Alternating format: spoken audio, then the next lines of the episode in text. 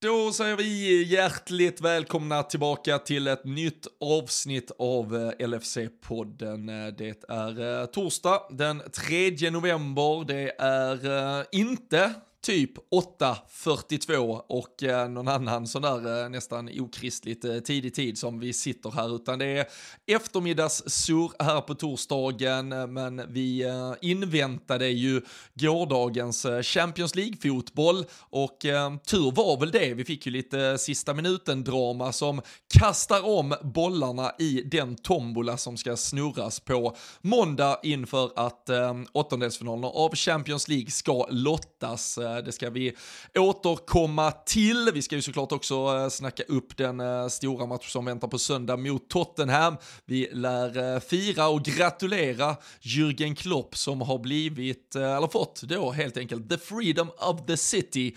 Vi får försöka reda ut lite vad det kan tänkas betyda och ehm, såklart så blickar vi väl också mot de insatser som var mot Napoli i tisdags. Men vi gör som vanligt såklart avsnittet först och främst tillsammans med LFC.se. Ni hittar ju kontinuerliga uppdateringar om allt som eh, ja, sker i, i vårt kära lag och runt omkring det. Inför Tottenham nu så är det mycket ja, men skadebekymmer i motståndarlaget till exempel. Uppdateringar från presskonferenser och annat får man alltid i textad form på LFC.se. Så håll er uppdaterade där inför uh, stormötet på söndag. Har ni inte ett medlemskap, ja det är väl kanske redan dags nu att börja hugga ett inför jul julklappar och annat som ska delas ut. Eh, unna dig själv eller köp till någon du tycker om. Men eh, med det sagt så gör vi som vi brukar. Vi sätter oss till rätta och sparkar igång ännu ett avsnitt av LFC-podden.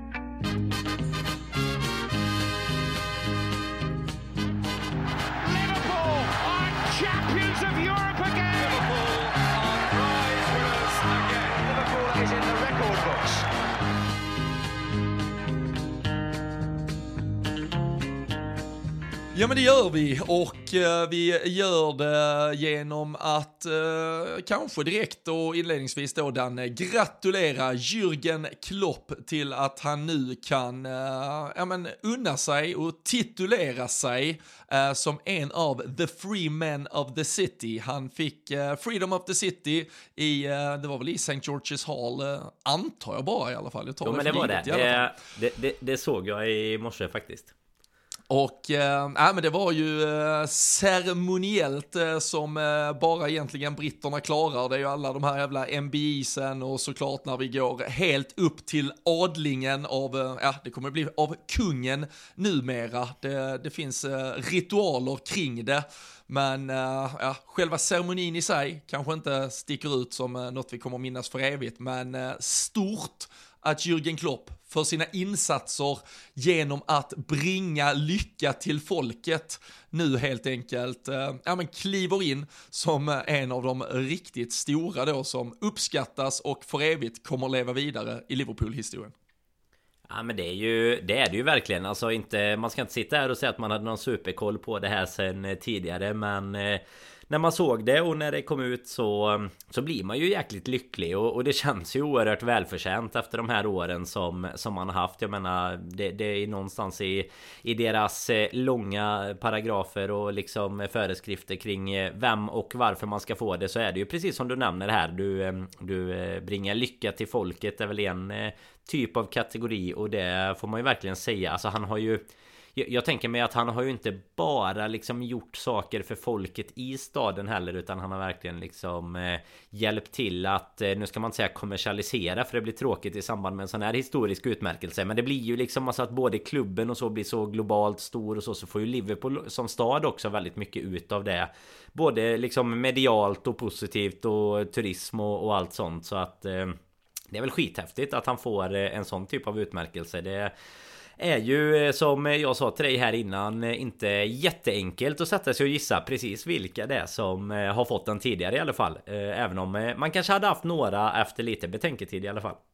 Ja, men vi kan ju först och främst kan man ju konstatera att det är lite det, jag, jag gillar inte generellt kanske att vara bakåtsträvare, men man är ju ändå lite besviken på att de här eh, då titlarna och utmärkelserna numera då bara är egentligen av en ceremoniell art. Det finns ju inte då eh, något så här att han får galoppera in på häst var han vill eller något sånt här eh, bara på grund av detta, vilket det lite tidigare då har funnits för om vi tittar tillbaka lite på vad Freedom of the City i engelsk kontext har betytt, om vi daterar tillbaka oss ett par hundra år, så gav av det alltså såklart en man, det var väl bara män på den tiden, uh, the right to march into a city with drums beating, colors flying and bayonets fixed. Det vill säga hela stå, staden ska egentligen stå och möta upp dig med pompa och ståt när du kliver in. Det hade ju varit scener om uh, varje gång Liverpool kom tillbaka från en bortamatch, torskat 1-0 mot Nottingham, ja, då ska staden stå där, redo med pompa och ståt och ta emot en av sina friherrar uh, från staden.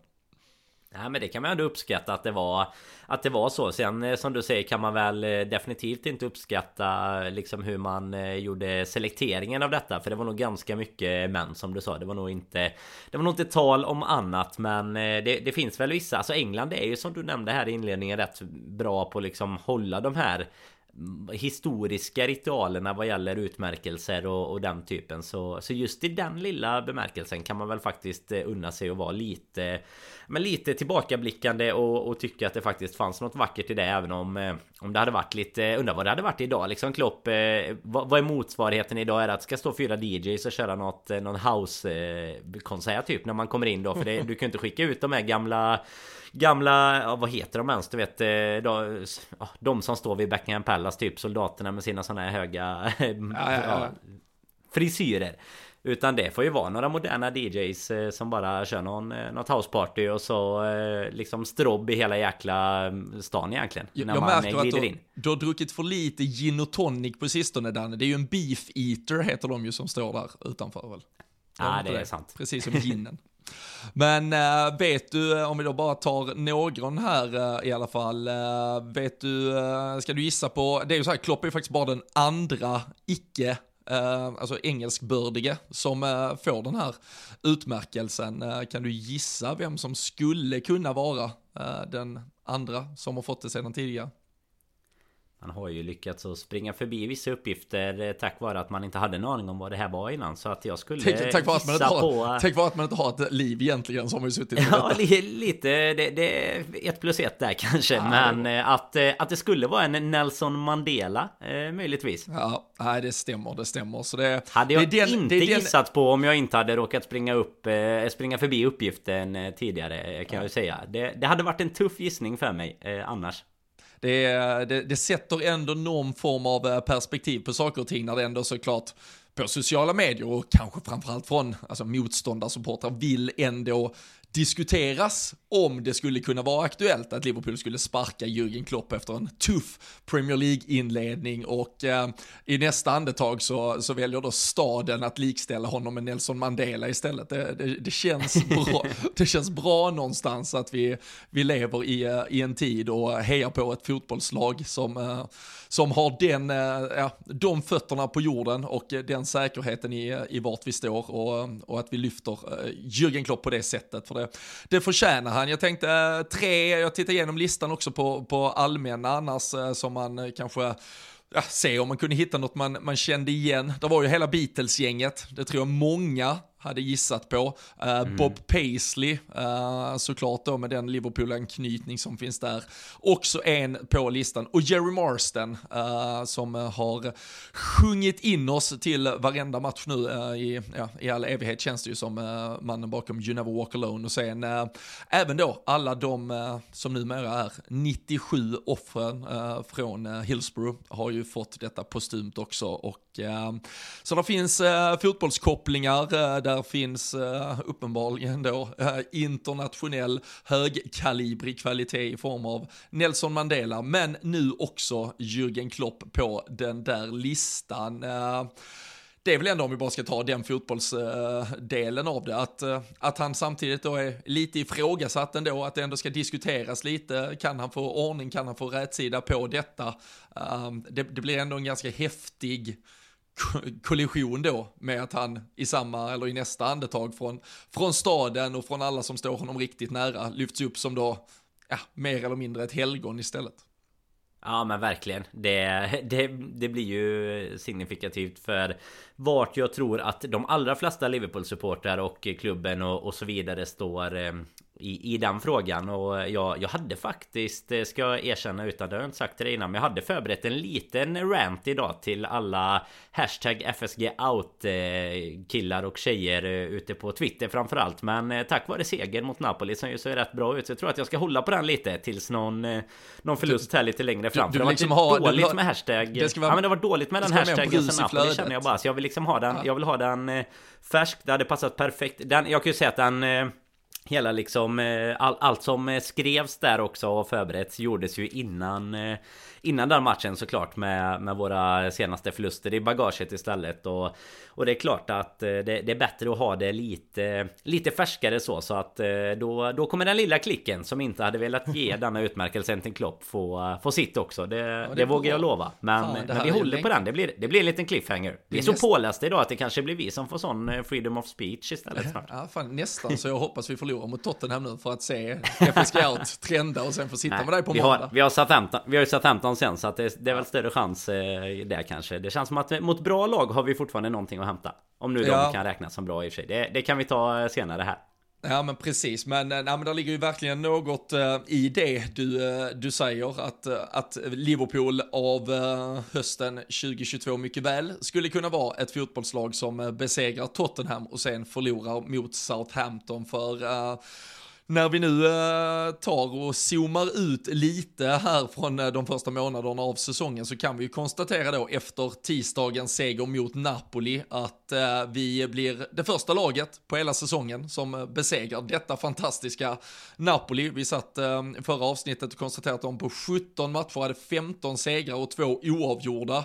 Um, såklart att de inte hade någonting att spela för och såklart att framförallt när det var bara kanske 10-15 minuter kvar de började inse att Liverpool inte skulle göra de fyra mål som behövdes för att gå förbi dem. Uh, Spalletti ville ju gärna i alla fall trycka på att det var en huvudorsak till att man kunde släppa till lite i slutskedet. Men förutom då detta Napoli så är ju Liverpool faktiskt det enda laget som har besegrat Manchester City den här säsongen. De eh, har ju endast Liverpool-plumpen i eh, Premier League och så har de fyra segrar, två oavgjorda i Champions League. Och eh, vill vi addera till det så är ju höstens eh, succélag i Premier League, det är ju Newcastle som har eh, sex vinster, sex oavgjorda, en förlust och den kom ju som alla vet i, vad var det, 98 minuten när eh, Fabio Cavallio dunkade upp den i taket bakom Nick Pope. Så samtidigt då Danne som vi är det enda laget i Europa som har besegrat då antingen eller egentligen, alltså enda laget som har besegrat ett enda av de här lagen, Napoli, Newcastle och Manchester City så är vi också laget som har förlorat mot, ja i alla fall när matchen då spelades, lag både 19 och 20 i eh, Premier League-tabellen. Mm. Och eh, till det kan man ju också då addera fyra kryss mot lag som jag tror ligger på typ plats 7, 8, 11 och 12 just nu ungefär med Palace, Everton, Brighton och Fulham. Så höga höjder, djupa dalar och eh, det är väl just att eh, hitta någon form av jävla högre lägstanivå som behövs i det här laget just nu. Ja men så är det ju framförallt. Alltså det är ju otroligt störande egentligen. Jag vet inte om man liksom ska bli lycklig eller, eller ledsen av den eh, Av den insikten där egentligen. För att det, det, visar ju verkligen att det finns någonting kvar i det här laget eh, Där, där många liksom vill göra gällande att eh, spelare är slut Eller att Klopp inte riktigt vet vad han gör och sånt. Så så, så är det ju bevisligen inte så Men eh, problemet måste väl vara att vi Vi behöver vara lika påkopplade när det är just de här matcherna som eh, Ja men som kanske inte är lika häftiga eh, sett till Liksom när, när du åker och, och spelar lunchmatch mot Nottingham istället för att det är Under the Lights mot ja, men mot Napoli till exempel och jag menar nu, den matchen kanske man i sig ska säga att det är som du, du var inne på. De, det var ju 4-0 för oss som krävdes för att och liksom gå förbi dem. Så att det är klart att de kan också komma till den matchen med insikten att bara vi inte släpper in fyra bollar så, så kommer vi i alla fall eh, komma härifrån som gruppetta. Och det, det, kan man väl lägga till där men då, då har man ändå alltså ett Newcastle som är sjukt stabila och sen ett City såklart som är, är eh, ja men vad City är och vad vi för, förväntar oss att eh, Peps City ska vara så att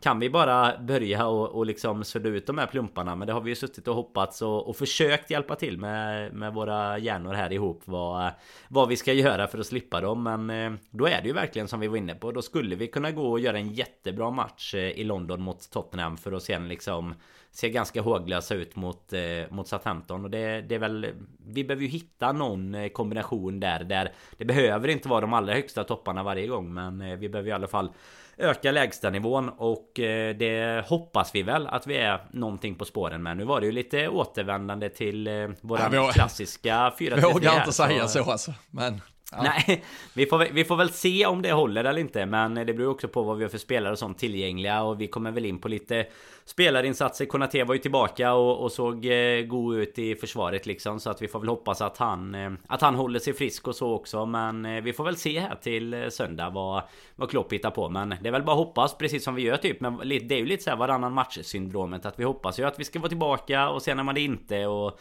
så får vi se och hoppas att vi fram till VM här i alla fall kan ha lite glädjande poddar kvar. Det, det är ju inte jättemånga kvar, inte matcher i alla fall. Poddar ska vi väl kunna lösa ändå, men eh, matcher kvar till VM är ju bara de här och räkna ner. Och så får vi lägga in en liten cupmatch däremellan. Men den, ja, eh, den, den tar vi med en klackspark så länge. Ja. ja, den, ska, den ska hem igen. Nej men den tar vi med en klackspark så länge i alla fall. Men när man väl sitter där eh, nästa vecka kommer det såklart vara... Kommer man vara sugen? Det, så är det ju.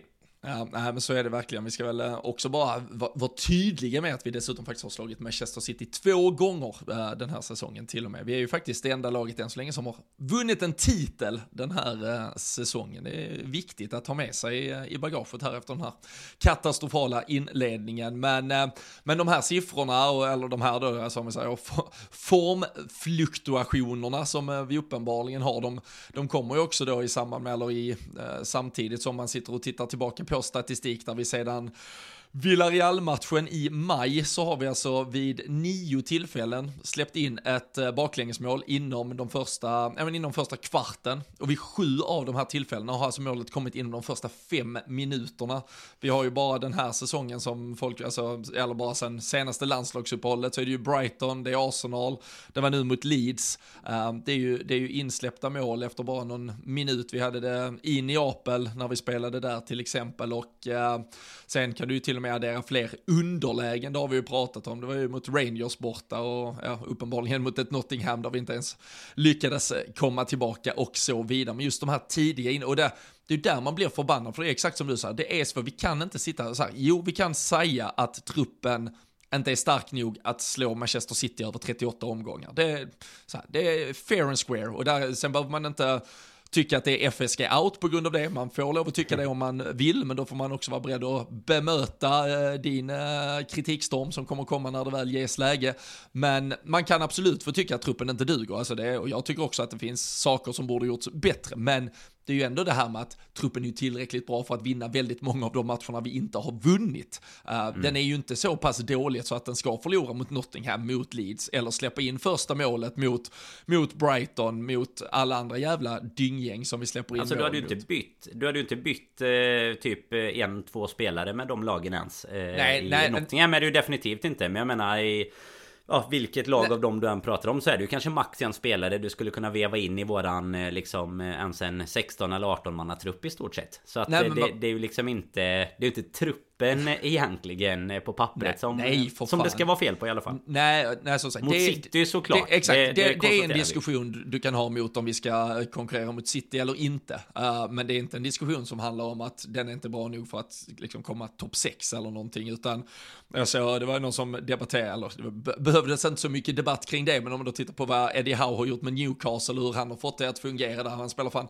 Dan Burn som vänsterback och Sean Longstaff eh, startar varje match på mittfältet typ typ och Ja, de, de har ju lagt, alltså pengarna de har lagt i förhållande och så här, för att många vill ju typ säga, kolla, kolla på Newcastle, de hämtar in eh, Bruno Guimaraes.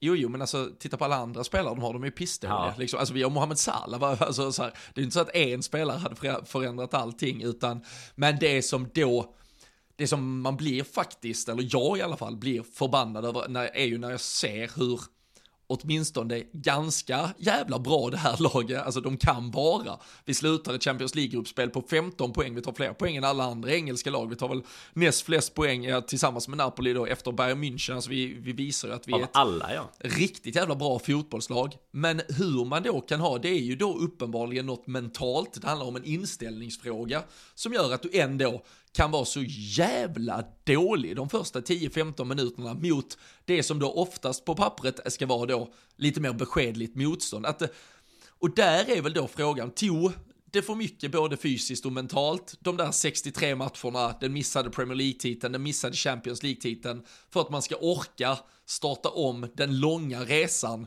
som innebär och innefattar och innehåller att du pallar vara påkopplad och slå pissiga jävla Leeds en lördagkväll. Och det är ju där man, alltså det är väl det jag kan tycka att man får oroa sig över eller diskutera eller där man framförallt måste ställa högre krav. Och det gäller ju såklart alla spelare, att det måste de svara upp till nu. Det är inte, alltså det är inte acceptabelt och inte respektabelt att, att faktiskt lite pissa på alla fans som kommer till matchen och visar så jävla slapp inställning i de tidiga skedena av matcherna. Nej men jag tror också att det ligger väldigt mycket poänger i det. Och, och, det är väl en av de eh, faktorerna kanske där, där man ändå kan prata om det här med att förnya truppen och förändra truppen. Och alltså oavsett då om det är eh, liksom dina första namn som du vill ha på pappret eller inte Det är ju liksom där att du, du har en trupp som som antagligen eller uppenbarligen är, eh, är liksom slitna efter den säsongen som var du behöver ju kanske som vi alltid pratar om en konkurrenssituation på vissa positioner som kanske inte riktigt har funnits innan. Men det som också kommer till är ju att du behöver ha spelare då som, nej men som kan komma in med lite ny energi. Som kanske inte har, alltså det, det ligger väl också någon poäng i det här att de kanske inte har hört Klopp i liksom så många år. Eh, de här nya spelarna, jag tycker man märker på liksom när Jota kommer in, när Diaz kommer in. Alltså det är många, Nunes nu också liksom, det är många spelare som kommer in och verkligen bidrar med ny energi i det här kloppsystemet och sen det, det största liksom eh, IG-betyget att dela ut eh, till, eh, till just de här starterna tycker jag. Det är ju att mot det motståndet som du har Nottingham, Leeds och alla de här när vi har släppt in mål Det är ju de matcherna om någon gång som du bara ska krossa de första 10-15 minuterna. Alltså det är ju där City går in och gör 1-0 istället för 0-1 Alltså det, det får man ju verkligen inte vara så eh, så liksom ej påkopplade till en match att man sen måste börja jaga. Utan där är ju det, det skulle inte jag säga att det har någonting att göra med liksom vilka spelare som står på, på i startelvan utan det där måste ju vara mentalt och jag, jag, kan inte heller säga att det är Klopp ska behöva stå och ropa ännu mer utan jag menar det är ändå professionella fotbollsspelare det handlar om. Så att det,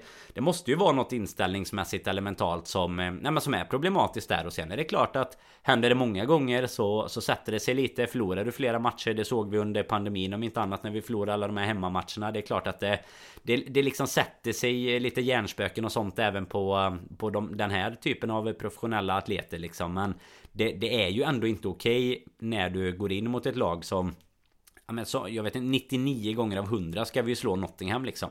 Och eh, då, då kan du inte eh, liksom förlora med 1-0. Du kan inte ge bort mål mot Leeds och ja, i ännu fler matcher som vi ju har gjort det också. Så jag menar, det, det är ju någonting uppenbarligen. Och sen om det är just att vi var med i att spela för mycket eller om det är just det här att ja, vi, vi var så nära det här som alla pratade om, det var kvadruppel men framförallt då de två största titlarna Champions League och Premier League som vi som, som ju blev precis de två vi inte fick. Alltså hade vi fått den ena så kanske vi inte ens hade sett någonting av det här. För att då hade alla varit så jäkla glada för det. Men här blev det ju verkligen. Och det känner man väl som supporter också. Liksom när den här säsongen började så var man ju inte...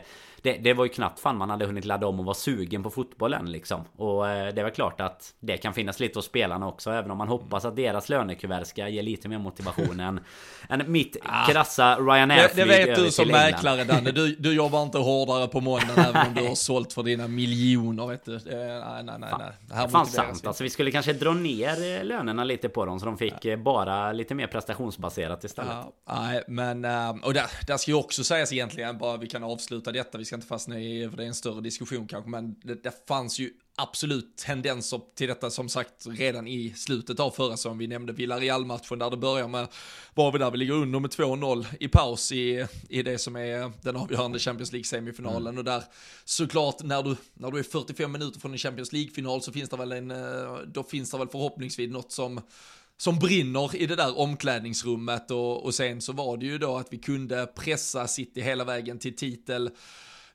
avgörandet eh, i omgång 38 också som, som kanske lyckades ta oss över linjen mot ja, men ett Aston Villa, ett Southampton som vi också låg under tidigt mot, men tendenserna var ju där redan att vi inte riktigt verkade orka, vi var inte påkopplade från start och det det är, väl, det är väl därför man kan då känna att är det något som borde adresserats i sommar i form av att nya spelare hade behövt komma in för att tända den där gnistan eller finns det, finns det andra delar i det? Men det är, det är ju uppenbarligen ett, ett jättetydligt just när vi har också så svart på vitt att det här laget kan prestera när förutsättningarna är Manchester City, antingen i en Community Shield-final eller i ett, i ett stort sprakande jävla möte på Anfield eller det är avgörande Champions League-matcher. För fan, vi åker bortamatch mot Rangers och, och Ajax och gör 10-1 på två matcher. Så det är ett fotbollslag som, som kan ställa till med otroliga saker när, när man får fart på saker och ting. Men ja, det, det verkar krävas väldigt mycket för att det här laget ska komma upp på den där mm. nivån nu och eh, det är väl det som är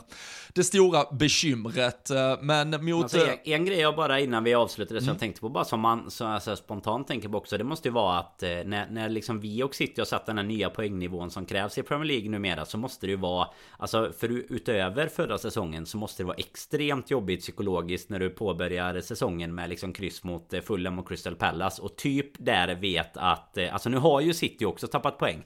Men där och då så måste du känna typ att ha, det var Det var det tåget liksom. Nu, nu kommer vi inte kunna komma ikapp här. Eh, även om det såklart alltid är så här nästa match Vi tänker bara på det och så vidare. Men det är ju det man kan se då i Champions League istället där vi har tar tag lite mer i det och ändå tar liksom i stort sett, alltså det är ju förlusten mot Napoli. Sen är det ju samtliga poäng i övrigt, även om det kanske inte riktigt känns så. Men eh, det måste vara lite jobbigt med när man hela tiden vet att eh, det krävs någonting helt annat än vad som krävdes förr i tiden egentligen för att vinna de här titlarna mot eh, City och ja, de andra lagen tänkte jag säga nu som inte De spelar inte i Premier League men alltså vad, vad, som gäller även i Champions League egentligen Men där du ändå kan ha en En bättre chans för att det spelas på ett slutspelsträd istället för att du ska Liksom vara påkopplad i just 38 omgångar. Mm. Men eh, nej för fasen. Fokus på det, vart vi ska ta vägen där eh, i båda ja, två såklart. och det, och det man får hoppas på i så fall nu är ju att eh, laget har insett att Visst den där titeldrömmen är ju absolut död så det är inget att, att spela för längre Men nu är det ju faktiskt väldigt mycket annat att spela för med Champions Champions League-platser. Alltså nu, nu finns det ju inte fallhöjd kvar, så att säga, så man kan ju inte, mm. man kan inte göra en halvdan insats bara för att, äh, titeln är ändå körd. Alltså nu är det ju, nu är det ju saker av mindre dignitet än så som snart också är körda, så nu, eh, nu krävs det ju en uppryckning på alla plan. Men eh, först och främst eh, ska vi stänga ner eh, det gruppspelet som då avslutades med seger mot Napoli i tisdags kväll. Det var ett förhållandevis starkt Liverpool-lag. Tsimikas in istället för Robertson var väl egentligen det enda sådär eh, tyder på någon form av vila på Robertson då inför eh, tisdag eller inför söndagens möte här mot eh, Tottenham. Och eh, annars snurrades det lite, Fabinho Thiago, Milner klev in på mitten, Curtis Jones klev upp i då en offensiv roll medan Darwin Nunes började på bänken. Det var väl en match där båda lagen hade sin lite sådär lagom beskärda del av eh, spelet. Inga riktiga chanser åt något av hållen. Såklart Thiago hade ett eh, väldigt fint skott, framförallt först då en otrolig framspelning upp till Salah som sen renderade i att han själv kunde komma upp i ytan och trycka till den. Och eh, sen så får vi väl då tacka det, det semi-automatiserade men extremt långsamma VAR-redskapet som eh, hittade någon skuldra eller vad det kan ha varit till slut på Östergard. Eh, men eh, ja, till slut så eh, kunde vi trycka ifrån och uh, vinna med 2-0 och Salah upp i alla fall fram till onsdagskvällen i ensam skytteligaledning. Uh, Mbappé kom ju ikapp då de ligger på sju mål båda två och uh, Darwin Nunes fick även uh, han peta in en sista boll. Ja och var det inte precis som, eh, som vi brukar vara inne på med Nunes också Han kommer in och är ju bara Ja med den här typen av yrväder liksom Han hade kunnat ha, ha mer eh, också Han är ju såklart eh, nära där när, när Salah får sitt mål också och jag menar det Kommer ju in och verkligen visar och bidrar och är aktiv och så hela tiden. Sen är det ju som Det har vi väl tjatat om många gånger också nu med Salah oavsett hur han ser ut liksom så är det så här Han är där och bidrar med mål. Det är poängen bara fortsätter egentligen att trilla in och Alltså det, är ju inte så som precis som du var inne på Det är ju inget av lagen som eh, som egentligen kanske har något övertag åt något håll utan det blir lite lägen här och där och sen är det väl att vi vi lyckas eh, kanske skapa lite mer tycker jag och lite som du var inne på tidigare här eh, under avsnittet så märkte väl också alltså ju längre tiden gick så var det väl också så att Napoli fattade att eh, nu kommer de i alla fall inte göra fyra baljer här så att eh, då kanske de också slår av lite på takten. Det är ju ingen som vill ta med sig några skador och sådär eh, såg vi i, i andra våra kommande motståndare här istället. Man vill inte ta med sig det framåt eh, heller. Och det blev väl en relativt liksom komfortabel seger till slut eh, kan man väl tycka ändå även om den här jag, jag fattade inte riktigt heller i den offsiden där som du nämner. Alltså är det att det tar så jäkla lång tid med det här 3D eller för jag menar det syns ju jättetydligt på den bilden de sen väljer att visa att att han är offside liksom eh, När de har dragit fram den här eh, animerade bilden. Men jag fattar inte om det tar så jäkla lång tid att generera den eller vad det är frågan om. Men, för, men jag såg fan inte det vara så, titt, Tittade du på, körde du Seymour eller du körde någon Nej, brittisk? det var det inte. Det var Ja, det var ja. på BT. De körde de visar ju liksom en sån här animerad bild som du säkert har Ja, men den här blåa typ där man, gång. Den där man skär Precis. igenom uh, väggen. Liksom, Exakt, typ. den skär rakt igenom spelarna. Typ ja, som att det är en vägg vid eh, sista backen nu, liksom. Nu, nu kanske jag zoomar ut för, på grund av att det tog så jävla lång tid till slut. Men jag tror fan inte de visade den ens på, på den svenska sändningen. Och uh, jag trodde det var lite, för det är väl Osimhen som är tydligt offside, som är före honom. Ja, och, precis. Uh, det, man har, det som har varit lite, det har ju varit periodiskt här de senaste veckorna i vissa gånger, det är ju att en ja, vi hade ju en sån här Saka-situation, det var väl i eh, upploppet till Arsenals 1-0 mål när vi mötte dem, mm. där han uppenbarligen stod i en position som inte liksom var med i en av de typ så här 18 kameravinklarna som egentligen finns. Och, och det jag trodde här i alla fall med Östergaard var ju att han då var Alltså bara att eh, Osimhen helt enkelt täckte honom i alla vinklar som fanns. För hela tiden så såg vi den från ja, men huvudkameran. Eh, så jag tänkte, men det måste ju funnits en kamera bakifrån istället så att säga, som de kunde använda. Men jag tänkte om i så fall Osimhen då var emellan närmsta Liverpool-spelare som på något sätt stökar till det uh, i det där. Men uh, med tanke ja, på... På den, på den är det i och för sig fortfarande, vinkeln är ju fortfarande från samma håll på den bilden. Så att jag vet fasen hur de, hur de får fram det. Men det är ju typ som du säger, det är ju axeln uh, och lite till liksom som är offside. Men den är i alla fall tillräckligt solklar för att man ska kunna snabbt se att det är offside. Sen vet jag inte, de kan ju ha behövt typ plocka bort oss i män eller någonting på den. Jag vet inte vad det var. Det var väl Pierce eller vem det var som skrev eh, under tiden där. Vi var väl uppe på typ 3.30 eller någonting innan det väl kom eh, Innan det väl kom ett beslut. Jag menar det är ju inte så, så kommer det inte kunna fortsätta vara i alla fall. För eh, fasen vi kan inte vänta. Visst nu är det inte så jättemånga kanske så här liksom nära eller att det är någon som står i vägen. Men jag menar det går inte att vänta 3-4 minuter på ett eh, domslut faktiskt. Då får det fan bättre bära eller brista. Då, då får vi skrota det här varskiten igen alltså. Ja, det, det är tyvärr en en, eh, en kamp som inte ens är värd att ta, men eh, det är märkligt. Nej, alltså, så här, ja, men, så här, eh, för eller emot alltså, jag, jag kan inte diskutera. Vi har VAR, vi kommer alltid ha VAR, men precis som man då får klaga på dåliga domar, för, kan vi får väl klaga på ett dåligt jävla VAR-system, eller om dålig VAR-domare som inte bara var snabbare, alltså bara, bara löst det. Du, du har dina 18 kameror eller vad fan det är, så bara snurra runt kamerajäveln och så ta fram en bild som räcker. Dessutom då som du säger, med, eller som de själva säger med det här semiautomatiserade, det är ju att, ja men du ska, alltså den där jävla väggen sätts ju sätts ju upp helt enkelt som, eh, som någon uh, låtsas green screen typ och sen, sen ska de ju kunna se direkt vem som klyver väggjäveln först och då, då ska det ju vara klart mm. sen.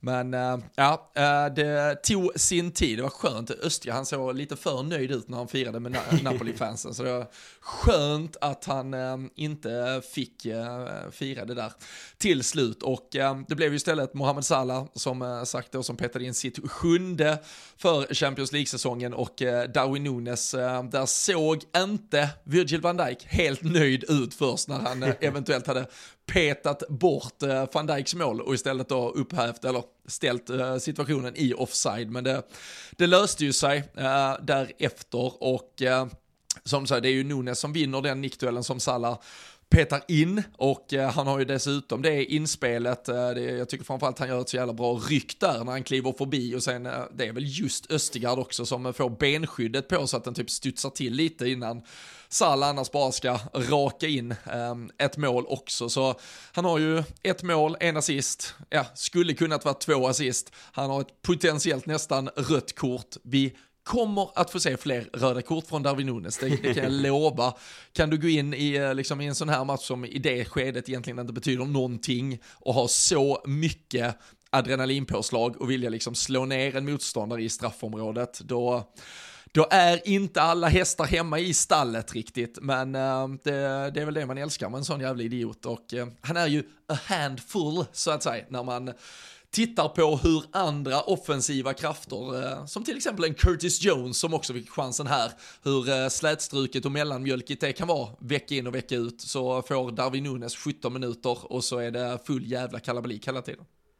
Jo men det är ju det som vi har pratat om med honom. Liksom, Han är ju inblandad hela tiden och det är väl det som är, eh, är fördelen. Till slut kommer ju målen också att komma och han kommer få lite mer kontinuerlig speltid. Han eh, Alltså den utvisningen som han fick där eh, mot Pallas egentligen Det är ju den som ställer till Alltså hela det, det, var ju som Klopp sa där egentligen. Det var ju som att börja om och jag menar sen har han inte riktigt Men riktigt kommit in i det igen. Jag menar jag är helt säker på att han hade bara fortsatt och, och starta och liksom antagligen har gjort eh, ganska mycket fler mål också. För han har fortfarande ett jättebra snitt nu på eh, På hur ofta han gör mål när han väl är inne på planen då. Så att eh, Kommer ju ett VM dessutom här och, och häver lite men det kan ju också ge Ge chansen till en ny, nystart där egentligen efter jul eh, när, eh, när alla är tillbaka och ska lira igen. Så Så kanske vi sätter något nytt och det är då det blir som en, en ny säsong som drar igång. Men jag får hoppas att vi hinner, hinner mata ut lite från honom här innan nu söndag och nästa helg sen också.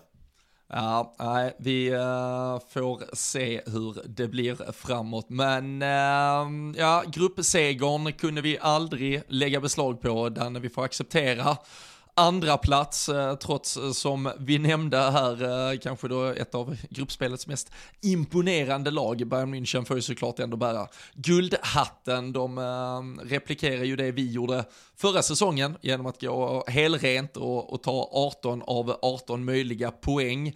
Och eh, vi får då helt enkelt acceptera en eh, andra sidning inför eh, slutspelslottningen och åttondelsfinalerna som ska dras på måndag. Men eh, det var tur att vi väntade tills idag Danne och inte tog ut något i förskott kring vilka lag man potentiellt skulle få möta.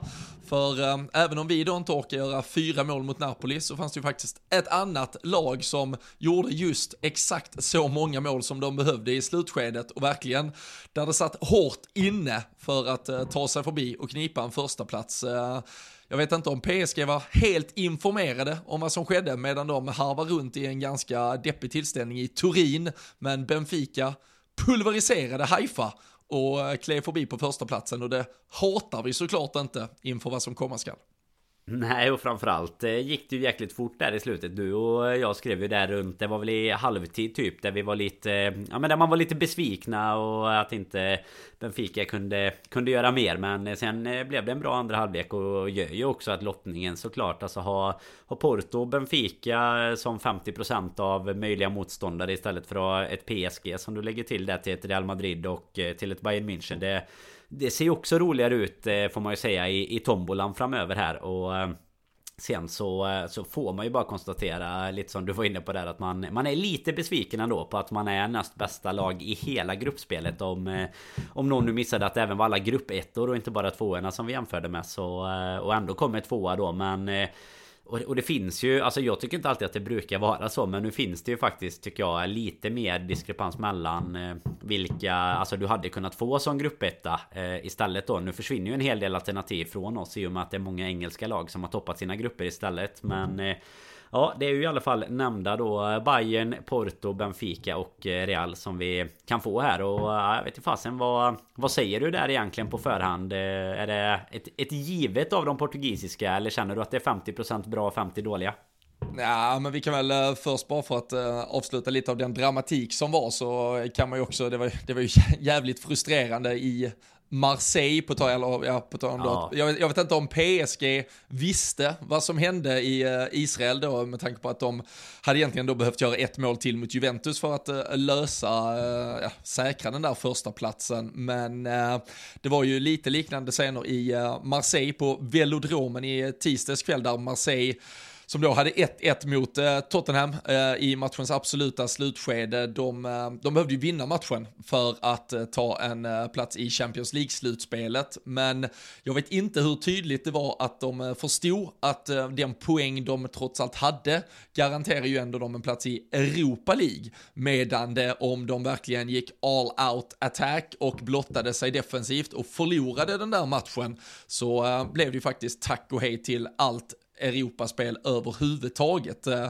de eh, var ju i en position där de var i Champions League-slutspel eh, under första halvleken, men när de då blottar sig i matchens absolut sista sekunder så går ju ja, Kane upp först, spelar vidare till Höjbjerg som dunkar in 2-1 och då spelar de ju ut sig själv helt ur Europaspel.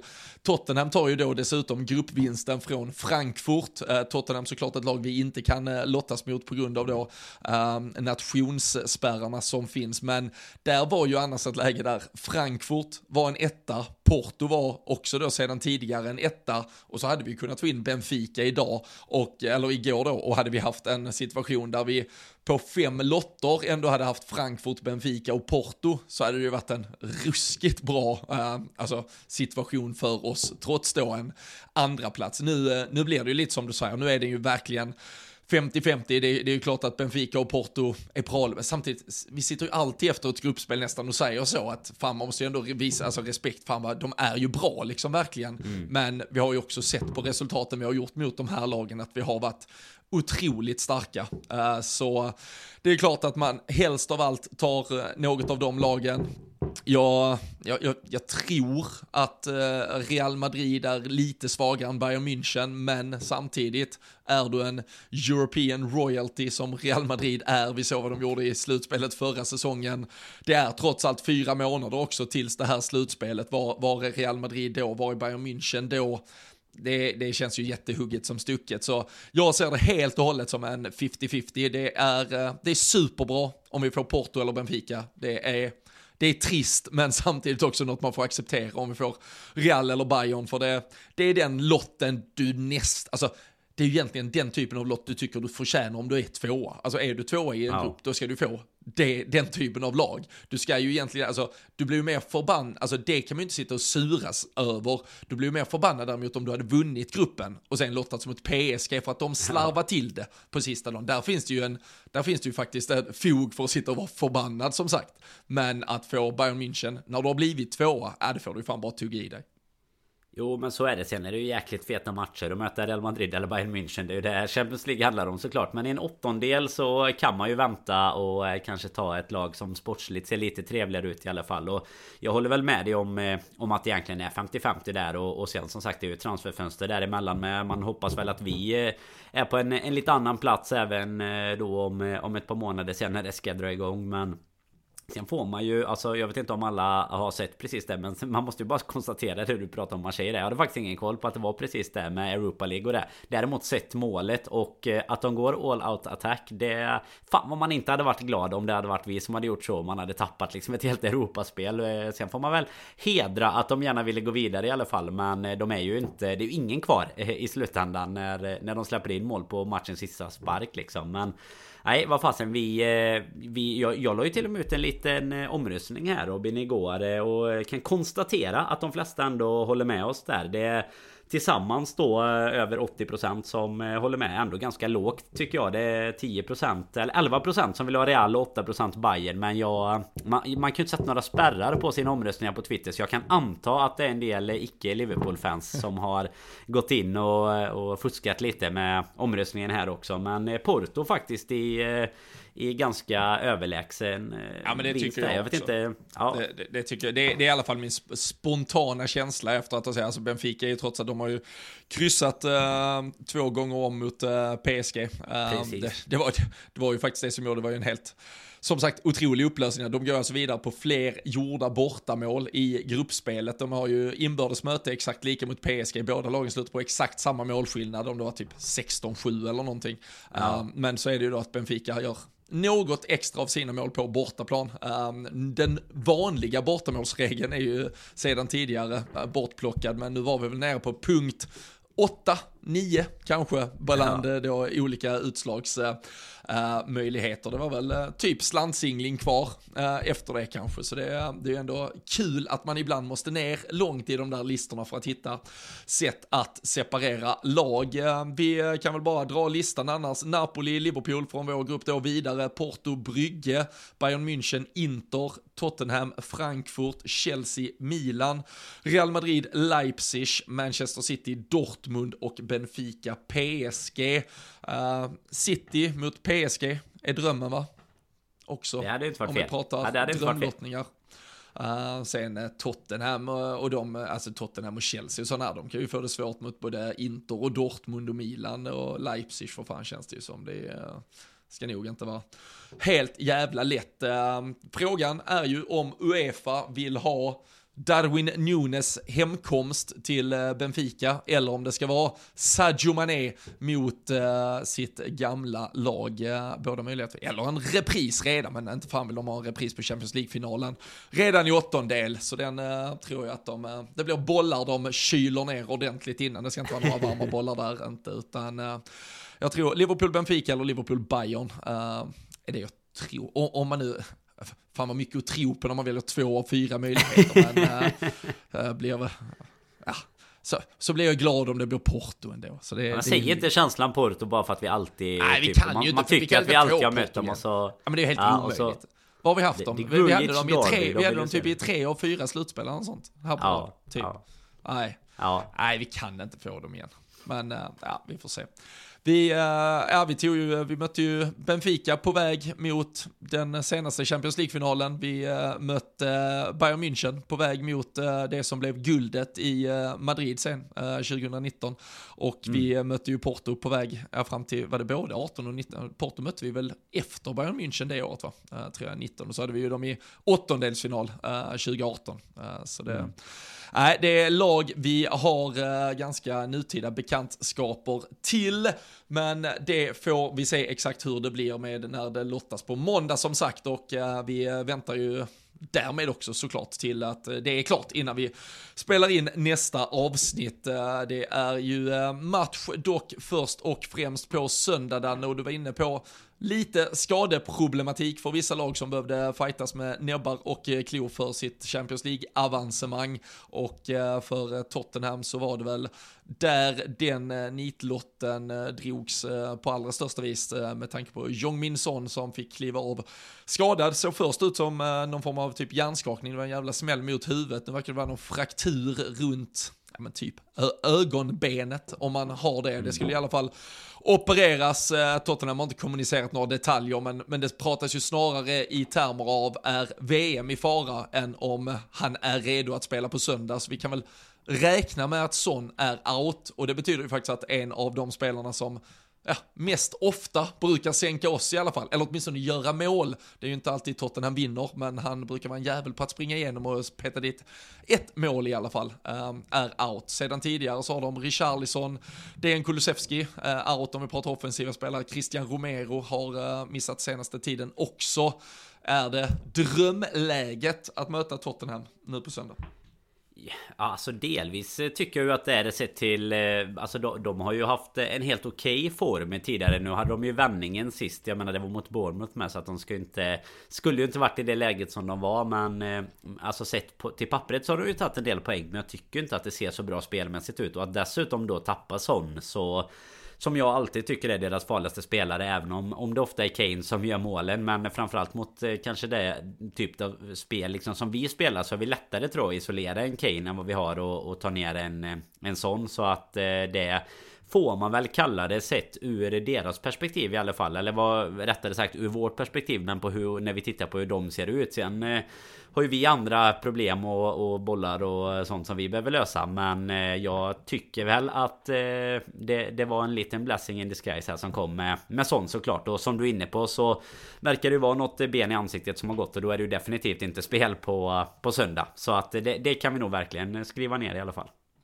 Ja, och, och, i så fall om man tittar, då är det ju, det, det är Kane och Lucas Mora som är offensiva alternativ. Jag vet inte om Conte kan tänka sig att putta upp uh, Ivan Perisic kanske, eller en Cessignon eller någon och spela in någon form av vänster uh, ytteranfallsroll. Uh, det, det har ju också varit extrem Conte-bal de senaste veckorna, som du säger, som mot Bournemouth.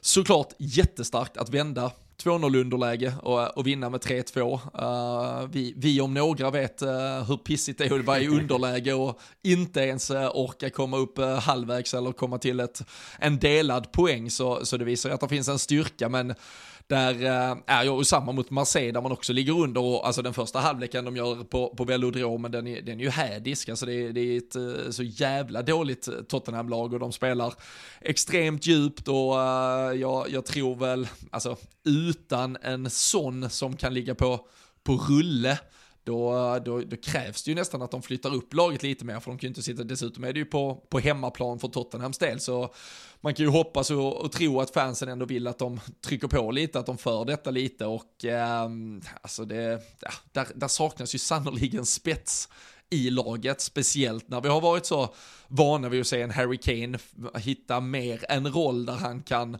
droppa ner lite, för han har haft en Kulusevski, han har haft en sån framförallt, eh, Richarlison eh, som eh, kom in och de senaste veckorna här innan han skadade sig gjorde det riktigt bra också, där, där han då har kunnat, eh, Kane i det fallet, har kunnat som sagt droppa ner, uh, hitta en annan yta och, och, bli lite mer om en kreatör, även om han såklart fortfarande är en extremt bra avslutare i boxen, men, men med de här förutsättningarna så, så ligger ju egentligen all offensiv börda på Kanes axlar. Det är, det är han som mm. måste göra saker och ting klart högre upp i banan och eh, med tanke på eh, Konate tillbaka här uh, i veckan, uh, hoppas verkligen att han är redo nu för att verkligen få a run of games och, och, och köra på så, så tror jag att Konate och van Dijk, om, om de bara visar hälften av den eh, form vi såg långa stunder förra säsongen ska kunna kontrollera det i en, eh, i en Kane som står lite felvänd och eh, har det ganska bekvämt. Sen kommer det ändå vara ett mittfält. Eh, alltså Höjbjerg har ju gått från, eh, tycker jag ändå klarhet till klart, han, han gör ett jävla bra jobb eh, på det där mittfältet. Nu får vi se vad de går med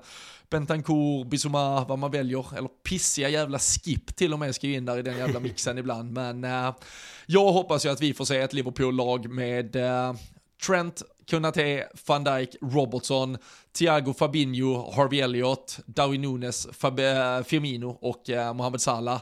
Och eh, tittar jag på vad Tottenham kan ställa upp med så kan vi i alla fall inte ha en diskussion om att vi inte har tillräckligt bra fotbollsspelare för att vinna fotbollsmatcher även mot lag av Tottenhams dignitet, utan det kommer handla i så fall om inställning och dagsform och inget annat ifall vi inte lyckas eh, göra en, åtminstone en jävligt bra prestation, men eh, hemskt gärna också knycka åt oss så många poäng som möjligt.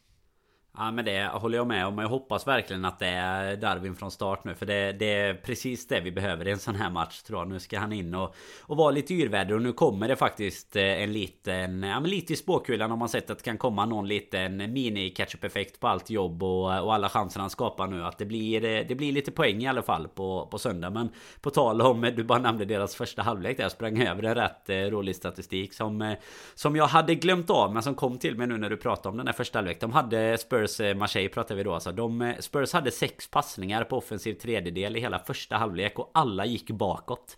Det är den offensiva kreativiteten och detta är väl, eh, ja sån går väl sönder efter typ halva ja, halva 20, första. Så 25, att, 29 ja, Så han är ju ändå med ganska länge med. Så att kan de ha samma offensiva kreativitet mot oss så kommer vi i alla fall ta med oss en pinne. Det kan vi, kan vi ju utlova. Men som du är inne på, alltså sett till 11 mot 11 om man säger nu som vi kommer kunna ställa upp om vi kan ta med oss lite från Napoli och eh, så så tycker jag väl också att det känns som att vi vi ska kunna vara ganska positiva inför söndagskvällen där. Det är ju sen avspark där 17.30 är eh, väl inte jättesent men det är så sent det blir avsparksmässigt för att avsluta omgången blir det väl till och med. Eh, och ja då får vi se efter våran lilla debatt här sist vad som är bäst. Om det är bra att starta omgången eller om det är bäst att avsluta den. Det har väl såklart mycket att göra med resultatet med. Men hoppet kommer ju leva Robin i alla fall hela helgen. Ja, ja det, är väl, det, det, är väl det man lever på uh, nu för tiden. Och sen, uh, sen är det ju som vi, som vi inledde med, sen är det uh, kuppajävel mot uh, Derby där uh, midweek och sen uh, avslutas det mot Southampton hemma innan vi ska in i den där hädiska VM-bubblan. Vi, vi har ju börjat planera för några eh, extra avsnitt. Vi ska ju bland annat gästas av eh, Björn Melin som är aktuell med en ny eh, Liverpool-bok. Vi börjar med att prata om bra julklappar i form av medlemskap i supporterklubben. Det där är ju såklart ännu en riktigt, riktigt bra julklapp. Vill man inte vänta tills man har hört Björn här i podden så kan man ju Sök upp Björn Melin på, på sociala medier, bland annat så, så har han länkar ute till boken. Jag tror väl att vi också har retweetat något från eh, poddens eh, Twitterkonto här mm. i dagarna, så det kan man, eh, kan man leta upp bakom tröjan. Historien om Liverpools matchtröjor, färger, materialval, sponsorer med mera. Röster från både de som har varit med och tagit beslut, tillverkat, sponsrat och några spelare som har spelat i den där magiska Liverpool-tröjan också. Så det ska bli kul att snacka med Björn och eh, vi, eh, vi kommer väl dessutom ha lite ja, men lite andra avstickare. Vi kommer såklart följa hur det går för Liverpool-spelarna i VM. Det kommer säkert vara lite uppsnack innan där vi tittar på vilka spelare som blir uttagna, vilka förutsättningar som finns för deras respektive länder, landslag och eh, vägar fram mot eventuella VM-medaljer. Och eh, har man annars eh, förslag, tips, idéer, tankar, eh, något man vill att eh, vi ska dryfta eller något man vill vara med och dryfta så hojta till för det kommer absolut finnas tid, plats och möjlighet möjlighet för att eh, göra lite specialavsnitt och lite av, eh, avstickare åt eh, alla möjliga håll när vi går in i det där VM-uppehållet. men innan dess är det trots allt tre fotbollsmatcher, Danne. Den första mot Tottenham på söndag eftermiddag. Du sa att spåkulan var polerad och klar. Darwin Nunes ska tydligen leverera, men hur mycket levererar han? Vad leder det till? Och kommer jag kunna ligga bakfull i soffan på söndag och eh, känna att jag mår lite bättre när klockan är ja, framåt 19.30 än eh, vad jag trodde att eh, jag kanske skulle vara. Ja men det kommer du nog eh, faktiskt göra. Då kommer du kanske ha... Då, då kommer du kunna ladda om tillräckligt. Eh, och eh, jag skulle säga att eh, tack vare hans 1 plus 1 så är det en 3-1. Tyvärr blir det ingen nolla eh, denna gången heller. Men vi kommer inte släppa in det första målet och vi kommer inte göra det inom första fem minuterna i alla fall. Det, det har det visat här. Men en 3-1 i alla fall. Så det är bara in på Patreon och eh, tippa något annat antagligen om man vill... Om man vill ta hem... Det blev faktiskt ett ölglas denna tävlingen med. Jag tänkte att det kan vara bra nu inför eh, Ja, men både inför VM som du nämner här, det kommer ju vara ett uppehåll med matcher och eh, skulle det mot förmodan nu då vara så att spåkulan har visat fel så så kan man ju hälla upp något eh, bedövande till eh, måndagsmorgonen här innan man innan man inte kör. Får man inte göra då, man får ta bussen till jobbet på måndag morgon när man har, ja, det har använt det. Det här, det här är inget men, som podden officiellt står bakom utan det här är en utsvävning signerad Daniel Forsell men nej, vi, ja, men så, en liten, så är det. Ja, en liten teaser också eh, la ut idag. Det är ju så att vi har ju sagt också att vi, vi kör ju en liten eh, en fantasy rush där också efter eh, VM. Så att det kommer också komma på Patreon en liten ny ligakod och sånt där man ska kunna hänga med. Det blir ju eh, någon månad där i början efter VM nu för, för alla oss, det är ju mig inkluderat, som har gett upp eh, hoppet om att eh, vinna totalen i världen så, så kommer det finnas något annat att tävla om. Så det kommer komma mer info här också. Så lite har vi att se fram emot under ja, det trötta väl... landslagsuppehållet. Ja, vi kan ju ta en, kan ju ta faktiskt en liten titt där kanske när vi har summerat de två sista Premier League-omgångarna. Vad vi, vad vi har för gött folk i, i toppen av våra ligor. Kanske vi kan ta, ta med någon röst röst från eh, mm. någon som kan det där spelet. Lite bättre än eh, vad vi kan eh, i alla fall. Så, så kan det nog också bli väldigt uppskattat. Men in på patreon.com slash LFC-podden, det är ju där ni dels tävlar om oftast t-shirtar och annat kul, men i detta fallet då ett snyggt ölglas från Sam Dodds och det är där också det finns ligakoder om man vill hoppa på då i alla fall vara med i lite etapppriser som kommer längre fram här i poddens olika fan fantasy tävlingar. Vi gratulerar senaste veckornas vinnare. Det är ju två gamla podden Away-deltagare också. Både Johan Aldén och Peter Hansen har ju mm. huggt hem varsin tröja de senaste veckorna. Så det, det, visar hur jävla klok man blir av att bara umgås med oss ett par dagar sådär under ett år. Det, det, det är kul och det glädjer mig väldigt mycket. Men in och tippa inför helgens match så kanske det är ni som vinner och er som vi hyllar här i nästa avsnitt. Eh, nu säger vi eh, tack för att ni har varit med och lyssnat eh, idag och så hörs vi igen nästa vecka.